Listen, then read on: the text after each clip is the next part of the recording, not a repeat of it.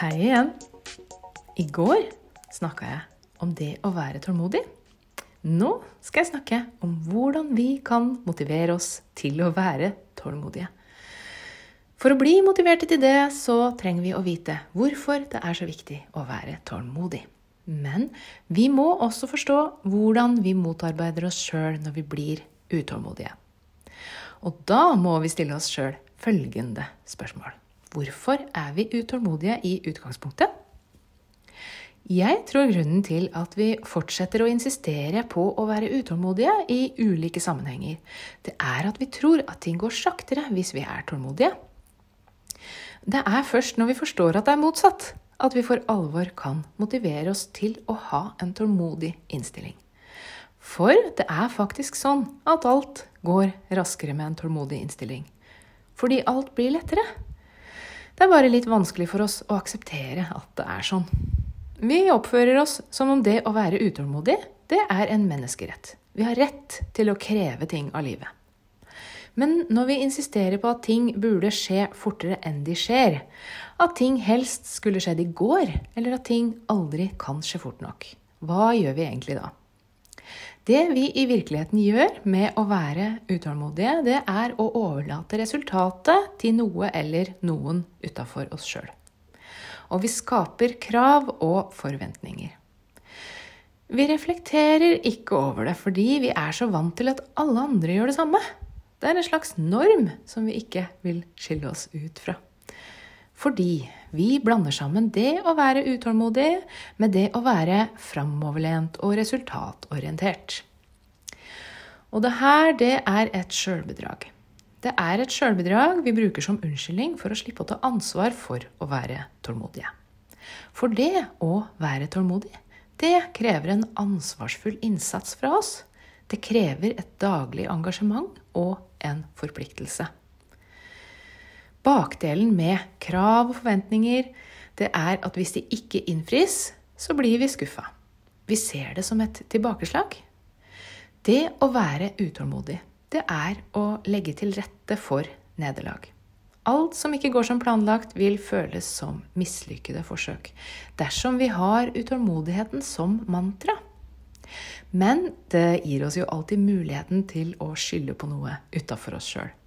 Og det er her at vi havner i den nedadgående spiralen som jeg snakka om tidligere, nemlig det kreative kaoset. Det er å sette hindringer i sin egen vei. Og det er de hindringene vi sjøl skaper, som er de største hindrene. Det at vi forventer at noe skal skje til en viss tid eller på en viss måte, det betyr ikke at sjansen er større for at det skjer. Derimot er sjansen stor for å bli skuffa på veien. Og da er det alltids noen andres feil. Ikke misforstå, jeg mener ikke at man ikke skal sette seg mål. Jeg mener heller ikke at man ikke kan ønske seg ting. Men mål og ønsker er ikke ensbetydende med å være utålmodig.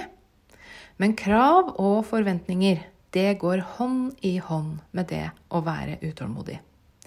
Det er en stor forskjell her. Spørsmålet er jo om vi har tenkt over denne forskjellen og om vi har tatt stilling til hva vi ønsker i vår bedrift. Jeg skal love deg at vi kommer mye lenger med mål og ønsker enn vi gjør med krav og forventninger. Mål og ønsker som er bygget på en tålmodig innstilling, gir næring til det som skal vokse. Krav og forventninger, det er som skyer som skygger for det næringsrike sollyset. Og er det ikke nok av utfordringer i en bedriftseiers hverdag om vi ikke skal skape dem sjøl? Det blir naturlig å stille et oppfølgende spørsmål. Vet vi egentlig hvilke utfordringer vi sjøl er med på å skape for oss sjøl? Og tar vi ansvar for å la være å sette hindringer for oss sjøl? Den største grunnen til at vi begynner å skylde på andre eller føler oss mislykka, er utålmodigheten vår. Og når vi skylder på andre, så gir vi fra oss sjøl kontrollen over situasjonen. Da er det lett å tro at også de hindringene vi skaper sjøl, kommer utenfra. Det største problemet med hindrene vi skaper sjøl, det er at vi ikke ser dem for det de egentlig er. Vi mistolker dem og tror de kommer utenfra. Hvis vi ikke gjennomskuer akkurat det, så vil ting ta styring over oss, i stedet for at vi har styring over vår situasjon. Det blir som å la seg drive av gårde med vær og vind. Det første som må til for å unngå å sette denne type hindring for oss sjøl, er å bli klar over at vi gjør det, og hvordan vi gjør det. For noe av grunnen til at vi gjør det, det er at vi ikke er fullt bevisst på hvor mye vi faktisk har styring på sjøl. Jeg er av den formening at det vi kaller å møte veggen, har en direkte sammenheng med vår manglende tålmodighet. Og vår evne til å sette hindringer i vår egen vei. Noe som er helt unødvendig.